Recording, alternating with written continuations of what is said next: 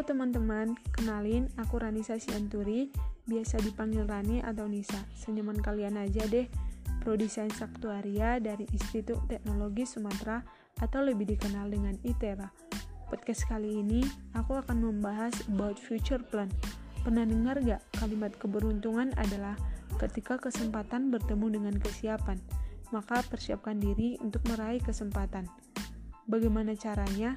Tentu bukan cara yang sama seperti yang kita lakukan di bangku sekolah. Kata Einstein, suatu hal yang mustahil gila kalau kita melakukan hal yang sama secara terus-menerus dan mengharapkan hasil yang berbeda. Sudah bukan zamannya lagi menunggu kesempatan, karena saat ini kesempatan bisa kita cari, bahkan kita ciptakan sendiri.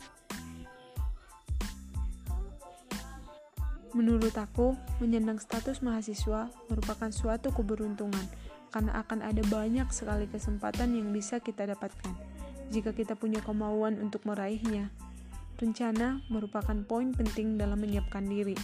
Kalau dulu aku masih biasa serabutan, mulai dari sekarang kebiasaan itu akan aku ubah.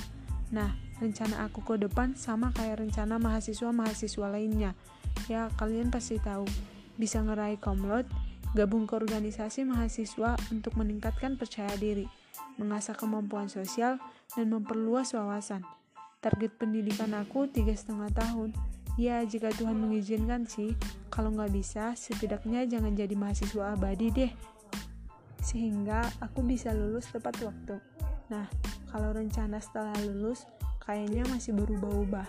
Intinya, jadi aktuaris Indonesia yang baik, biar bisa banggain orang tua, keluarga, teman, dan yang lain dan juga melanjutkan pendidikan yang lebih tinggi atau S2 dengan beasiswa.